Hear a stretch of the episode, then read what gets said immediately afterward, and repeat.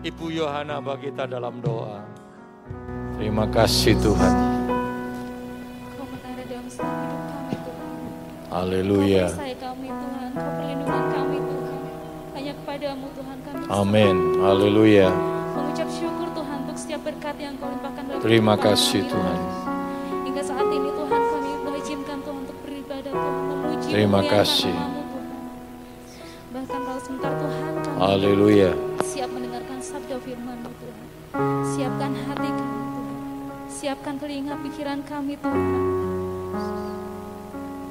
Engkau lindungi kami Tuhan, berkati kami Tuhan, jauhkan kami dari godaan setan. Yesus Engkau saja. yang persiapkan kami Tuhan untuk menerima, sabdamu Tuhan. Engkau berkati juga hambamu Tuhan yang memberikan firmanmu Tuhan. Berkati lebih lagi, lebih lagi. Haleluya. Agar apa yang disampaikannya Tuhan bisa menjadi rema dalam kehidupan kami. Terima kasih Tuhan, terima kasih Yesus.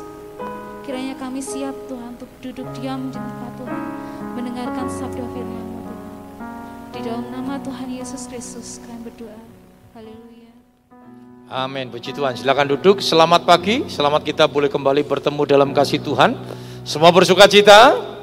Amin. Allah yang kita sembah adalah Allah yang ajaib, yang luar biasa, yang boleh menolong kita semua. Puji Tuhan, di tengah-tengah kita ada hamba Tuhan, Bapak Pendeta Kucung Cong. Kalau salah bisa dikoreksi ya. Ah, Beliau ah, melayani di GPDI di Jakarta. Lalu beliau juga salah satu anggota Majelis Daerah DKI Jakarta. Puji Tuhan akan memberkati kita dengan kebenaran firman Tuhan. Mari kita siapkan hati kita, kita terima berkat Tuhan. Waktu dan tempat saya persilahkan.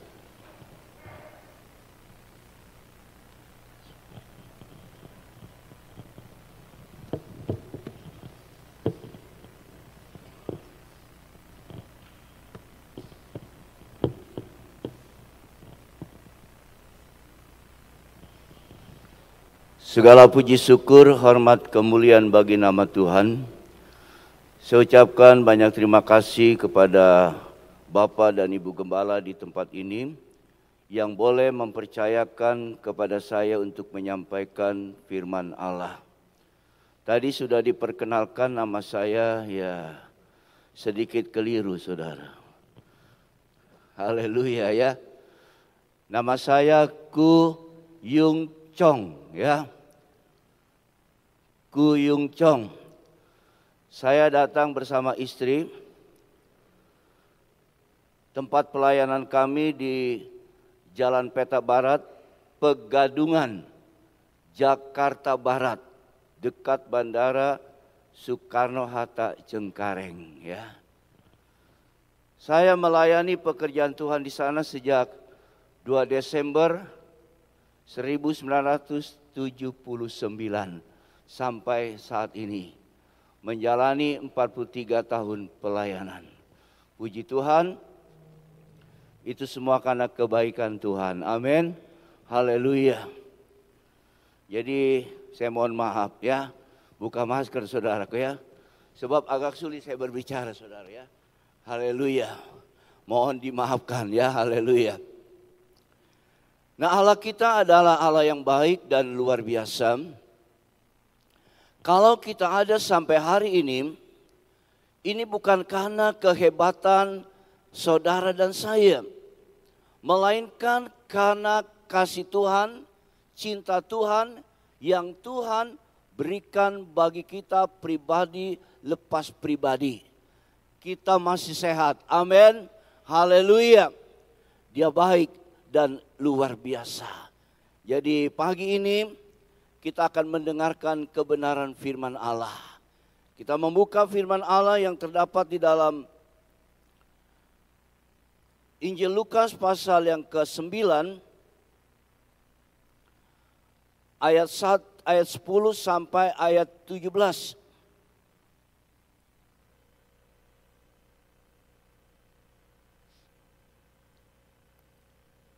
Saya akan bacakan ayat-ayat ini dan saudara perhatikan dengan baik.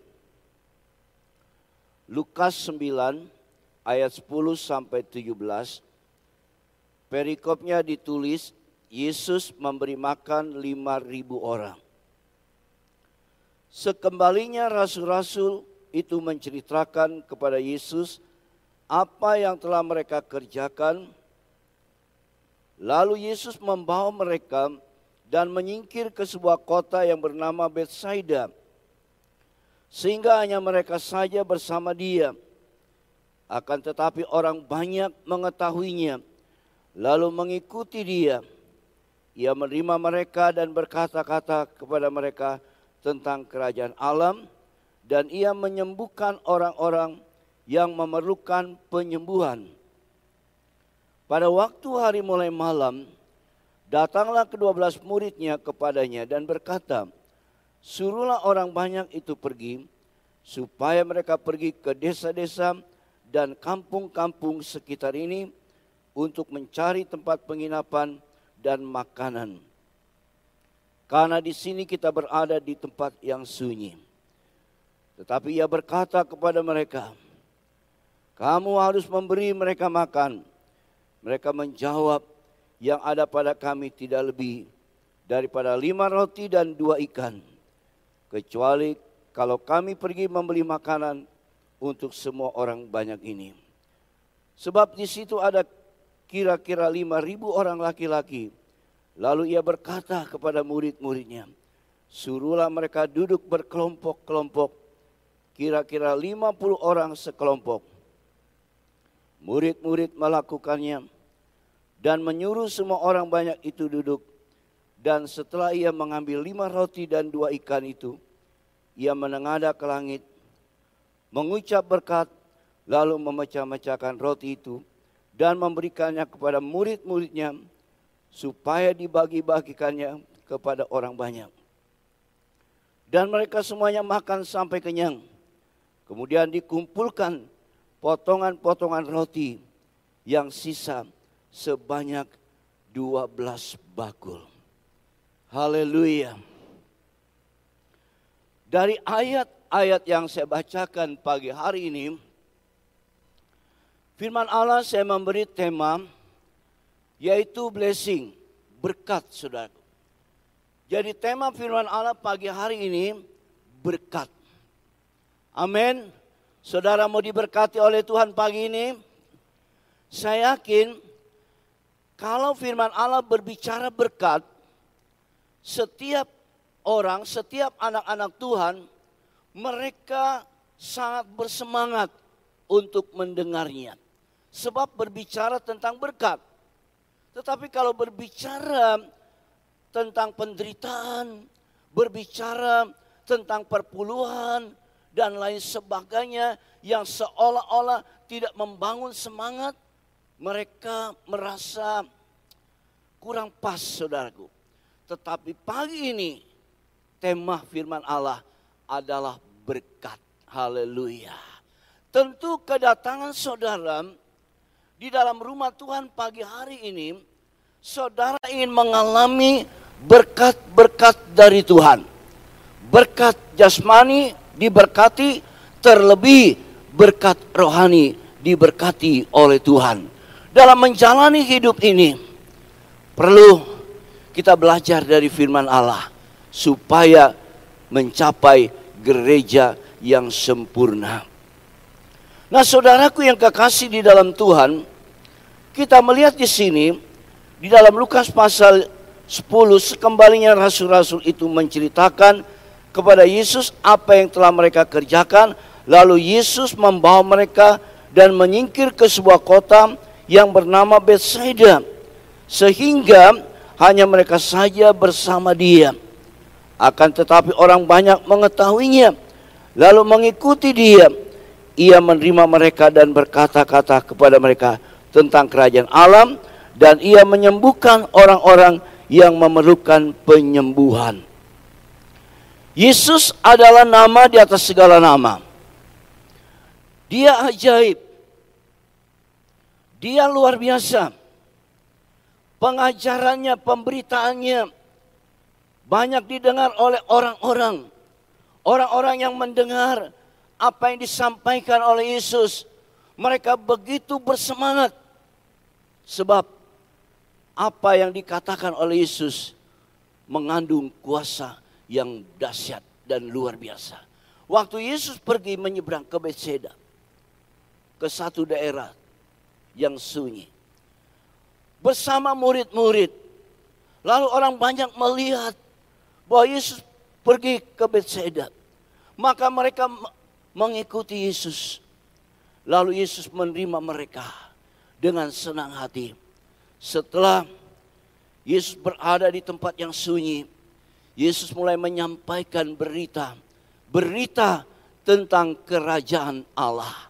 Bukan berita tentang hal-hal yang melemahkan, bukan berita berita hal-hal yang duniawi, tetapi yang disampaikan oleh Yesus adalah berita tentang kerajaan Allah. Kerajaan Allah berbicara sesuatu yang besar, saudaraku. Itu yang disampaikan oleh Yesus. Mereka semangat, luar biasa. Mendengarkan apa yang disampaikan Yesus dengan sungguh-sungguh. Luar biasa. Dari pagi hari, tengah hari, sore hari, mau menjelang malam saudaraku. Saudara perhatikan, murid-murid mereka datang kepada Yesus.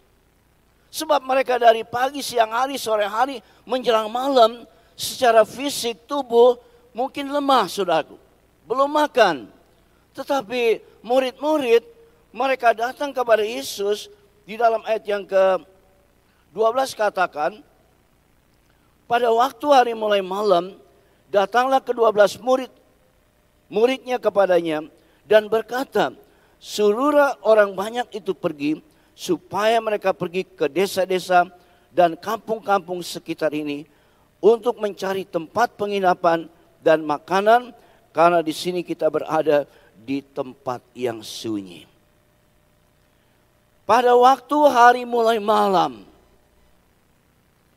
malam di dalam Alkitab selalu berbicara tentang air zaman. Pada waktu hari mulai malam, datanglah kedua belas muridnya kepadanya. Kedua belas murid Yesus datang kepada Yesus dan berkata, suruhlah orang banyak itu pergi. Supaya mereka pergi ke desa-desa dan kampung-kampung sekitar ini untuk mencari tempat penginapan dan makanan karena di sini kita berada di tempat yang sunyi. Tadi saya katakan, tema firman Allah pagi hari ini adalah berkat. Berkat, saudara. Rahasia untuk diberkati. Ada hal-hal yang perlu kita perhatikan untuk menerima berkat dari Tuhan. Untuk mengalami sesuatu yang dahsyat yang dikerjakan oleh yang maha kuasa. Berkat ada rahasianya saudara. Di sini saudara perhatikan murid-murid mereka datang kepada Yesus. Mereka katakan, suruhlah orang banyak itu pergi. Murid berkata kepada Yesus, suruhlah orang banyak itu pergi. Kalau ada murid, berarti ada ada apa? Kalau ada murid berarti ada guru kan? Guru sebagai pemimpin. Ini murid-murid datang kepada Yesus sebagai guru, sebagai leader. Murid-murid menyuruh Yesus, memerintahkan Yesus, suruhlah orang banyak itu pergi. Kira-kira saudaraku, murid-murid yang mereka lakukan itu pantas atau tidak terhadap gurunya. Kurang baik saudaraku. Murid mau mengatur gurunya. Yesus dia adalah leader. Sebab kalau saudara perhatikan di dalam ayat yang ke-10 Sekembalinya rasul-rasul itu menceritakan kepada Yesus apa yang telah mereka kerjakan, lalu Yesus membawa Yesus membawa mereka dan menyingkir ke sebuah kota yang bernama Bethsaida sehingga hanya mereka saja bersama dia. Yesus membawa mereka. Yesus membawa murid-murid. Kalau Yesus membawa murid-murid, berarti Yesus adalah leader, pemimpinnya. Yesus membawa murid-murid. Kalau Yesus membawa murid-murid, berarti Yesus bertanggung jawab. Yesus bertanggung jawab apa yang menjadi kebutuhan orang banyak pada waktu itu, Yesus tahu persis. Dia bertanggung jawab. Tetapi murid-murid mereka berkata kepada Yesus, suruhlah orang banyak itu pergi. Suruhlah orang banyak itu pergi. Lalu ayat 13 dikatakan, tetapi ia berkata kepada mereka, kamu harus memberi mereka makan. Mereka menjawab yang ada pada kami tidak lebih daripada lima roti dan dua ikan. Kecuali kalau kami pergi membeli makanan untuk semua orang banyak itu. Kamu harus memberi mereka makan. Yesus sebagai seorang pemimpin, dia tegas. Dia tegas, saudara. Bukan galak, saudara, tegas. Seorang pemimpin harus tegas. Kalau galak tidak dihargai oleh bawahannya, tidak dihargai. Paling kalau galak, oh sebentar di luar, gua hajar kau. Wah. Tetapi kalau tegas, berbicara tegas, orang takut. Nah Yesus sebagai pemimpin, dia tegas. Kamu harus memberi mereka makan. Jadi rahasia untuk diberkati Jangan atur Tuhan. Amin. Jangan atur Tuhan. Tuhan tahu apa yang menjadi kebutuhan orang banyak pada waktu itu. Tuhan tahu persis apa yang menjadi keperluan mereka. Jangan atur Tuhan, saudaraku. Ini murid-murid kurang ajar, saudara. Suruhlah mereka pergi. Wah, bayangkan, saudara. Maka dari itu, Yesus tegas. Kamu harus memberi mereka makan. Wah tegas saudara. Seorang pemimpin yang luar biasa. Jadi rahasia untuk diberkati oleh Tuhan, kita harus sungguh-sungguh belajar dari firman Allah, jangan atur Tuhan. Amin. Jangan mengatur Tuhan ya. Jangan. Yesus yang membawa murid-murid berarti Yesus bertanggung jawab membawa saudaraku. Kalau kita pergi tur berarti ada tour leader yang memimpin. Nah kita ini harus ikut pemimpinnya saudaraku. Ke mana diarahkan ikut sebab tour leader pemimpin itu bertanggung jawab saudaraku. Jangan kita mau berjalan sendiri atau kita mengatur tour leader itu. Yuk kita ke sana dulu. Hari pertama ke sana, jangan ke sana. Enggak ada saudaraku. Jadi tour leader sudah tahu Hari pertama ke mana, hari kedua ke mana, hari ketiga ke mana, harus ikut leadernya, pemimpinnya. Demikian juga anak-anak Tuhan mau diberkati Tuhan harus ikut leader kita. Yesus Juru Selamat. Jangan atur Tuhan. Amin. Jangan mengatur dia. Jangan. Dia tahu apa yang kau butuhkan hari-hari ini. Walaupun di tengah-tengah keadaan dunia yang semakin sulit, banyak orang gelisah, banyak orang khawatir, dan lain sebagainya. Tetapi anak-anak Tuhan yang tidak mengatur Tuhan pasti diberkati oleh Tuhan. Amin. Dia sumber pertolongan yang luar biasa. Haleluya. Yesus adalah gembala yang baik. Amin gembala yang baik dia, pemimpin. Kita domba-dombanya ini saudaraku. Nggak mungkin domba mau mengatur gembala. Nggak mungkin saudaraku ya. Malah gembala yang mengatur domba-domba. Nah domba-domba yang benar-benar mendengar suara gembalanya, domba-domba itu mengikuti gembalanya, mengikuti. Tidak mengatur saudaraku. Jadi yang pertama tadi, rahasia untuk diberkati oleh Tuhan, jangan mengatur Tuhan. Itu pegang dengan baik ya. Jangan mengatur Tuhan. Lalu poin yang kedua, harus ikut aturan Tuhan. Nah, jangan mengatur Tuhan, melainkan harus ikut aturan Tuhan. Kalau kita sebagai anak-anak Tuhan, walaupun kita berada di tengah-tengah dunia yang semakin sulit, kalau kita mengikuti aturan Tuhan, apa yang Tuhan katakan di dalam firman-Nya, kita ikuti dengan baik walaupun mungkin dalam perjalanan ini sangat berat, tetapi kita tetap ikut aturan Tuhan. Saudara pasti diberkati oleh Tuhan, tidak mungkin ditinggalkan. Amin ikut aturan Tuhan. Satu Raja-Raja 17 ayat 3 dan ayat 4. Pergilah dari sini, berjalanlah ke timur dan bersembunyilah di tepi sungai Kerit di sebelah timur sungai Yordan. Engkau dapat minum dari sungai itu dan burung-burung gagak telah kuperintahkan untuk memberi makan engkau di sana.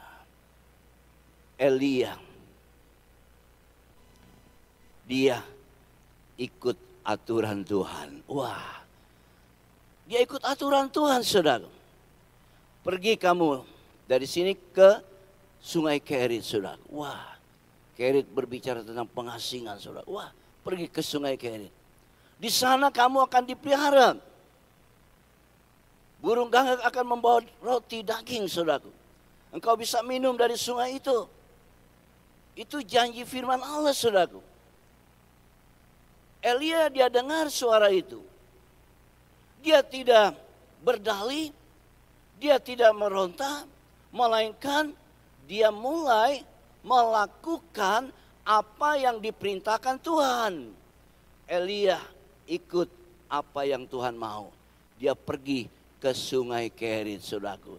Ternyata saudaraku, waktu pagi petang, waduh, burung gagak kasih makan Elia luar biasa. Elia diberkati oleh Tuhan. Amin. Sebab apa? Sebab ikut aturan Tuhan. Elia ikut aturan Tuhan, dia tidak mengatur Tuhan. Wah, bisa saja Elia berdalih, bisa saya, oh Tuhan, mau ngapain ke sungai Kerit?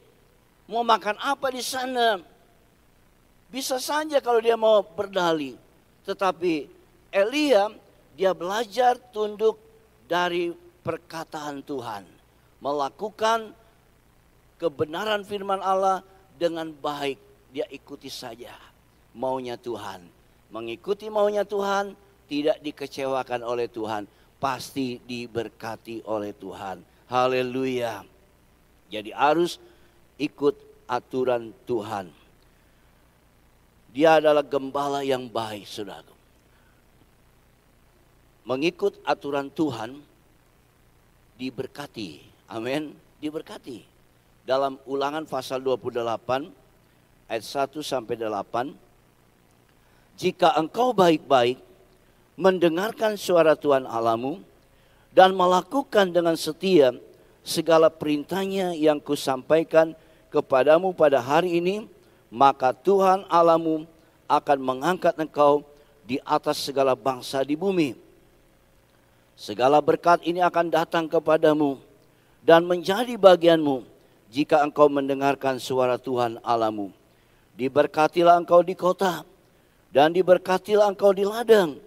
Diberkatilah buah kandunganmu, hasil bumimu dan hasil ternakmu, yakni anak lembu sapimu dan kandungan kambing dombamu. Diberkatilah bakulmu dan tempat adonanmu. Diberkatilah engkau pada waktu masuk dan diberkatilah engkau pada waktu keluar. Tuhan akan membiarkan musuhmu yang maju berperang melawan engkau terpukul kalah olehmu. Bersatu jalan mereka akan menyerangi engkau, tetapi bertujuh jalan mereka akan lari dari depanmu. Tuhan akan memerintahkan berkat ke atasmu. Di dalam lumbungmu dan di dalam segala usahamu, ia akan memberkati engkau di negeri yang diberikan kepadamu oleh Tuhan. Haleluya. Jadi seseorang anak Tuhan yang mau mengikuti aturan Tuhan pasti diberkati Tuhan. Itu tidak mungkin tidak. Amin. Mengikuti aturan Tuhan. Dengar firman, lakukan firman dengan baik. Pasti diberkati oleh Tuhan.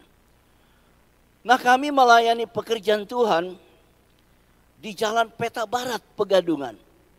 Sejak 2 Desember 1979. Dari lima anak sekolah minggu dirintis sudah. Berjalan satu tahun setengah kurang lebih anak-anak 15 orang. Dewasanya baru 6-7 orang sudah. Lalu tahun 1983 diresolusi masa. Dirusak masa. 92 tanda tangan. Tidak boleh ada tempat ibadah. Wah. Saya sebagai hamba Tuhan yang Tuhan menempatkan kami di desa Pegadungan, Tuhan yang memanggil kami, Tuhan yang membawa kami di tempat itu, dia bertanggung jawab. Dia bertanggung jawab, saudara. Jadi masalah tidak boleh ibadah dirusak oleh masa. Tetapi kami suami istri tetap percaya Tuhan yang kulayani hidup. Aku percaya aku tetap melayani Tuhan. Ikut firman Allah dengan baik. Walaupun ujian berat, tantangannya berat, tetap ikuti firman Allah dengan baik. Maka ada jalan keluar. Ada pertolongan Tuhan nyata saudaraku. Dengan lain kata, orang yang ingin bikin merusak pekerjaan Tuhan di sana. Wah, saya tahu saudara. Akhirnya saya kasih hadiah, saya berikan parcel ya kecil tidak terlalu besar kalau hari raya. Terus saudara, dia senang. Kalau ketemu saya baik saudara. Dia katakan, wih gereja kamu cong mau dibakar sama anak-anak muda. Saya yang jaga kata. Oh terima kasih Pak Haji jaga. Wah terima kasih. Sudah saudara. Saya kasih hadiah tiap hari raya. Akhirnya berjalan terus pekerjaan Tuhan sampai hari ini karena campur tangan Tuhan. Jadi kalau kita melakukan ikut aturan Tuhan, Tuhan turut bekerja di dalamnya. Tidak ada yang sulit bagi Tuhan. Amin. Sampai hari ini bebas, no problem saudaraku. Ya, di depan gereja kurang lebih 100 meter masjid besar saudaraku. Masjid besar radius 2 km, 7 masjid besar-besar, saudaraku. Itu kami ada di sana karena Tuhan. Betul saudara, karena Tuhan. Apalagi mata sipit saudaraku. Kadang-kadang saya berpikir, kok saya bisa jadi pendeta ya? Nah, kok bisa jadi pendeta latar saya ini mekanik saudara. Betul saudara, montir. Jadi kalau berbicara bongkar pasang mobil, mesin diesel apa, semua saya ngerti saudara, ngerti. Pas jadi pendeta, tantangannya banyak, ujiannya banyak. Tetapi Tuhan yang memanggil itu setia. Dia yang membawa, dia bertanggung jawab. Amin. Yesus membawa murid-murid. Berarti Yesus leader. Dia bertanggung jawab. Tidak mungkin dibiarkan saudaraku. Murid-murid gelisah. Bingung saudaraku. Yang mereka miliki hanya lima roti dua ikan. Mana cukup Secara logika manusia mustahil. Tetapi bagi Tuhan tidak ada yang sulit untuk melakukannya. Yang mustahil bagi manusia tidak ada yang mustahil bagi Tuhan. Dia sanggup kerjakan. Amin. Haleluya. Apalagi waktu 13 Mei 1998 saudara. Wah di Jakarta itu heboh saudara. Mengerikan. Mall dan Mogot dibakar 250 orang yang meninggal dari arah, arah Kalideres ke bandara lewat gereja kami di sana pegadungan. Waduh, ruko-ruko dibakar-bakar semua. Bakar, saudara. Ngeri, saudara. Ngeri, saudara. Saya sudah dekat itu orang membakar ruko-ruko dekat gereja. Saya tutup itu pintu gerbang gereja. Kami bersama istri, anak-anak bertiga berdoa di belakang. Tuhan, tolong.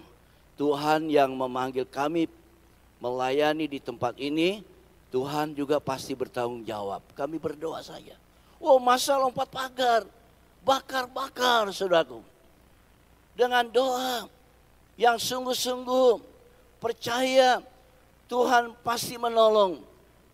Masa sudah lompat pagar, bakar. Waduh, udah gaduh rame. Anak-anak muda muslim lingkungan gereja, mereka jaga keluar, jangan bakar. Wah, akhirnya keluar lagi itu masa saudaraku. Mujizat terjadi. Amin. Dia hidup. Yesus hidup. Dia berkuasa. Sanggup melakukan mujizat yang tidak mungkin bagi manusia, mungkin bagi Tuhan. Dia hebat. Amin. Yang penting ikut aturan Tuhan. Jangan mengatur Tuhan. Amin. Kalau engkau mengatur Tuhan, kau tidak akan diberkati.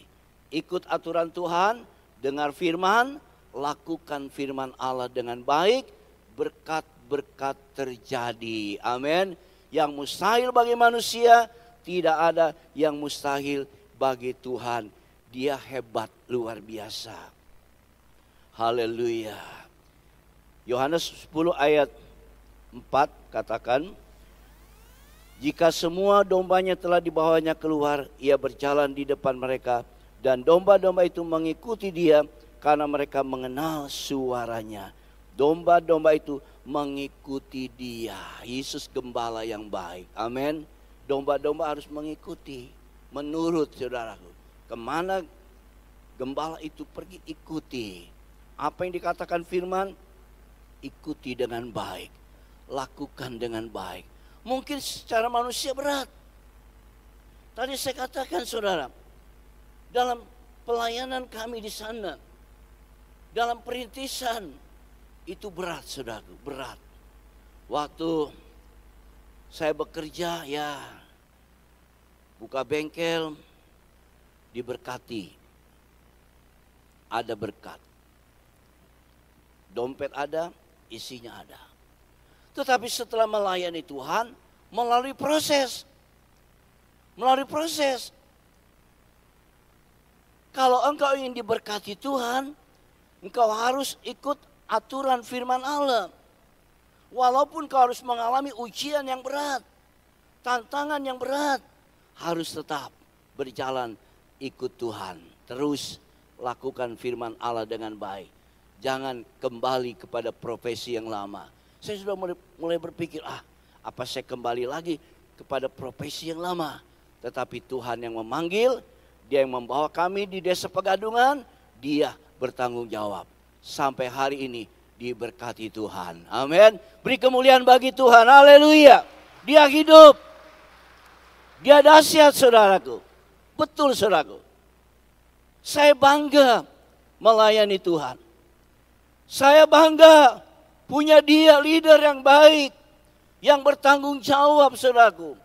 Walaupun harus melalui banyak proses demi proses, dia tidak meninggalkan saudaraku. Dia terus menolong, dia terus menolong sampai hari ini pekerjaan Tuhan berjalan seperti biasa. Karena campur tangan Tuhan. Memang jemaat tidak sebanyak di tempat ini saudaraku. Betul. Dari lima jiwa anak-anak sekolah minggu ya kurang lebih sekarang baru 150 jemaat saudaraku 150 jemaat gereja yang masih kecil ukuran 10 setengah kali 28 meter. Pakai balkon. Itu semua karena Tuhan. Secara logika mustahil. Secara pikiran saya mana mungkin?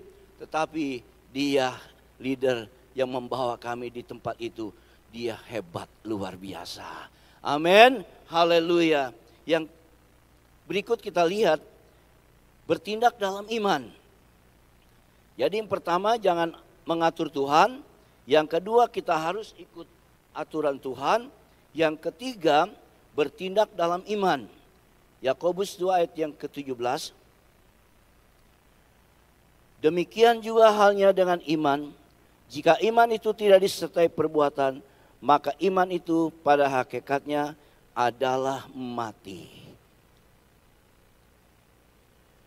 Di dalam Lukas 9 ayat 17 kita lihat. Dan mereka semuanya makan sampai kenyang.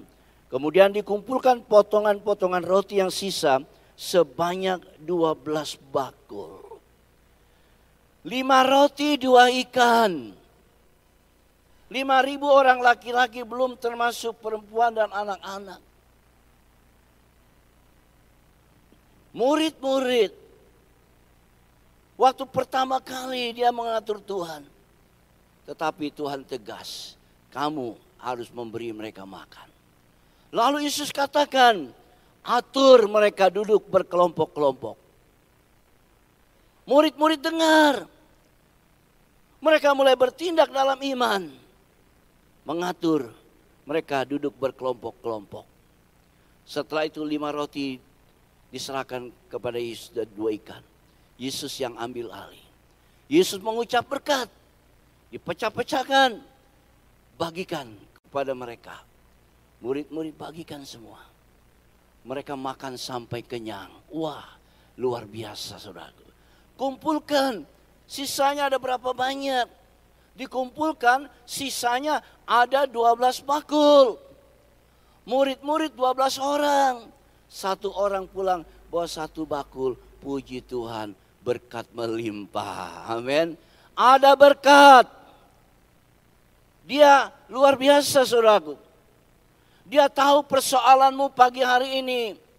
Dia tahu bebanmu pagi hari ini. Dia tahu penyakitmu pagi hari ini. Jangan mengatur Tuhan. Amin. Ikut saja aturan Tuhan. Lalu bertindak dalam iman. Percaya dia sanggup menolong. Dengan engkau bertindak dalam iman, mujizat terjadi. Yang mustahil bagi manusia, tidak ada yang mustahil bagi Tuhan. Dia hebat. Amin. Bertindak dalam iman. Ini juga kesaksian saudara. Memang dalam pelayan-pelayan penginjilan ke daerah-daerah saya banyak mengalami mujizat-mujizat Tuhan ya. Banyak orang yang sakit disembuhkan dan lain sebagainya. Ini kesaksiannya pribadi ya. Beberapa tahun yang lampau ya. Saya pernah urus pisah di kedutaan Amerika. Tiga kali apply, persyaratan yang ketiga kali saya lengkapi. Dia minta itu surat fotokopi sertifikat tanah. Saya berpikir ini orang bule mau ngapain ya? Saya memang mau jual tanah, dia minta sertifikat tanah saudara. Wah, sudah saya lengkapi semua. Ketiga kali tetap dia tolak. Dia tolak saudara. Tidak bisa, you pastor kerja di sana. Waduh, secara manusia saudaraku agak kecewa saudara. Pastor kamu kerja. Saya bilang saya punya istri, punya keluarga, punya jemaat, ada gereja. Tidak mungkin kerja. Oh tidak bisa. Saya masih tetap di depan loket. Wah ngotot sama si bule. Akhirnya dia marah saudara. Dia katakan saya panggil polisi. Waduh pasti mau panggil polisi. Sudahlah goodbye dah jalan. Berarti belum waktunya Tuhan ke Amerika. Tetapi saya tetap punya iman. Sabar Setia layani Tuhan. Anak-anak katakan, papi udah jangan banyak bicara. Amerika, Amerika nggak mungkin lah. Adik-adik saya juga 11 orang. Si Koko mah bicaranya Amerika, Amerika. Tetapi mana mungkin orang yang punya uang saja sulit untuk dapat visa Amerika. Sulit. Tetapi saya tetap beriman. Saya percaya saya tembus Amerika. Kalau belum tembus waktu itu tunggu waktu Tuhan. Tetap sabar layani Tuhan dengan baik. Wah, 2010 saya urus lagi saudaraku. Urus, sudah sidik cari, tinggal interview. Saya perhatikan beberapa orang yang interview, wah itu ada si bule, kepala yang botak itu waktu itu saya, oh dia yang pernah interview saya dulu. Tuhan tolong kalau bisa jangan sama dia, yang lain saudara.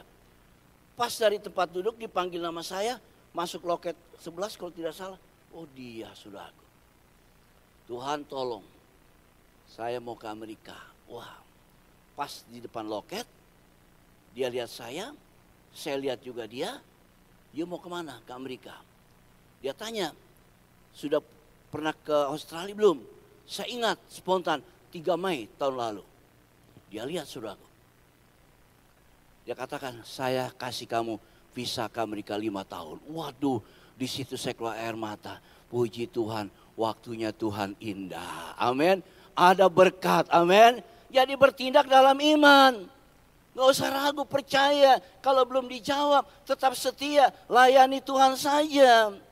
Tidak perlu ragu tentang dia. Ada waktunya Tuhan. Amin. Betul saudaraku. Akhirnya visa lima tahun sudah habis. Perpanjang lagi lima tahun. Tiga kali perpanjang. Sudah sepuluh kali ke Amerika bolak-balik. Itu semua karena Tuhan. Amin. Berkat luar biasa. Coba kalau sayanya kerja montir saja belum tentu bisa keluar negeri saudaraku. Paling hanya di kolong mobil, angkat mesin saudaraku ya. Tetapi Tuhan itu baik luar biasa. Dia yang membawa, dia bertanggung jawab. Haleluya. Sampai hari ini kami suami istri melayani Tuhan. Kami bangga punya dia. Dia hebat. Dia luar biasa. Maka dari itu rahasia untuk diberkati Jangan atur Tuhan. Melainkan kita harus mengikuti aturan Tuhan. Apa yang Tuhan sampaikan kepada kita, kerjakan dengan baik, lakukan dengan baik. Dan bertindak dengan iman. Percaya Yesus menolong. Amin. Haleluya. Ada Yesus pagi ini. Secara mata jasmani kita tidak lihat dia. Tetapi dia lihat keberadaan kita pagi ini. Tidak ada yang sulit bagi Tuhan untuk melakukan mujizat, untuk memberkati saudara. Apa pun usahamu, apa pun pekerjaanmu, dia sanggup melakukannya. Hari-hari ini ada banyak pengusaha-pengusaha yang gugur dalam usaha. Ada banyak pengusaha-pengusaha yang bangkrut, tutup toko dan lain sebagainya. Tetapi anak-anak Tuhan yang ikut firman Tuhan, ikut aturan Tuhan, tidak dibiarkan Tuhan. Engkau pasti diberkati oleh Tuhan. Amin. Mau diberkati oleh Tuhan? Amin. Haleluya. Dia ada di sini pagi ini. Dia siap memberkati saudara. Kalau mungkin kita sudah salah jalan. Tadi murid-murid mereka datang kepada Yesus, suruh mereka pergi. Waduh, wah atur Tuhan. Tuhan sebagai pemimpin tegas. Kamu harus memberi mereka makan. Lalu dikatakan atur mereka. Berkelompok-kelompok. Duduk. Mereka mulai melakukannya. Melakukannya. Bertindak dengan iman. Mujizat terjadi. Sisanya 12 bakul. Berkat melimpah. Tidak akan kekurangan. Amin. Sampai hari ini kami melayani Tuhan. Tidak kekurangan dia sumber berkat. Amin. Dia sumber segala-galanya bagi kita. Mungkin ada di antara saudara yang sakit pagi ini. Yesus sanggup sembuhkan. Mungkin ada di antara saudara yang mengalami satu beban yang berat. Beban ekonomi yang berat. Dan lain sebagainya. Ada Yesus. Yesus siap menolong engkau pagi ini. Kalau engkau ingin diberkati, dengar, lakukan apa yang Tuhan mau. Amin. Jangan berontak terhadap dia. Lakukan saja. Secara manusia, aduh ini begini, begini. Enggak apa-apa, lakukan saja. Elia Allah katakan pergi ke sungai Kerit. Mau ngapain ke sungai Kerit? Allah katakan nanti burung gagak kirim kamu daging, roti, makan. Dia pergi saudaraku, ternyata benar. Mujizat terjadi. Elia diberkati Tuhan. Jadi di mana engkau dipercayakan Tuhan, dia sanggup memberkati dengan berkat yang luar biasa. Bapa di dalam sorga, Bapa yang kami panggil di dalam nama Tuhan Yesus Kristus, kami tidak ragu terhadap Engkau ya Tuhan, sebagai pemimpin yang baik, sebagai gembala yang baik, yang memperhatikan kami sebagai domba-dombanya, kami mau belajar mengikuti Engkau dengan baik ya Tuhan. Kami percaya Tuhan kalau kami melakukan firman Allah dengan baik, Engkau tidak akan mengecewakan kami. Engkau akan menjaga, melindungi kami dan memberkati kami dengan berkat-berkat yang luar biasa. Terima kasih banyak Bapak. Hamba berdoa buat jemaat Tuhan yang hadir pagi ini. Engkau tahu persis apa yang menjadi kebutuhan mereka pribadi lepas pribadi dari tempat ini Tuhan. Biar engkau menjama mereka pribadi lepas pribadi yang sakit disembuhkan Tuhan. Di dalam nama Tuhan Yesus Kristus ada mujizat terjadi. Yang lemah dikuatkan, yang ada masalah persoalan ditolong Tuhan. Sebab engkau dahsyat, engkau hebat, engkau sanggup melakukan hal-hal yang besar di luar kemampuan pikiran kami manusia. Terima kasih banyak Bapak. Terima kasih Tuhan. Ampuni segala dosa dan kesalahan kami. Ampuni kekurangan kami ya Tuhan. Terpujilah namamu. Kami mau senantiasa mengikuti firman-Mu dengan baik. Menuruti firman-Mu dan melakukannya dengan sungguh-sungguh. Sehingga berkat-berkat Tuhan nyata dalam hidup kami. Terima kasih banyak Bapak. Terpujilah namamu. Kami mengucap syukur. Kami naikkan doa kami dalam nama Tuhan Yesus Kristus kami sudah berdoa. Haleluya. Amin. Puji Tuhan. Tuhan memberkati.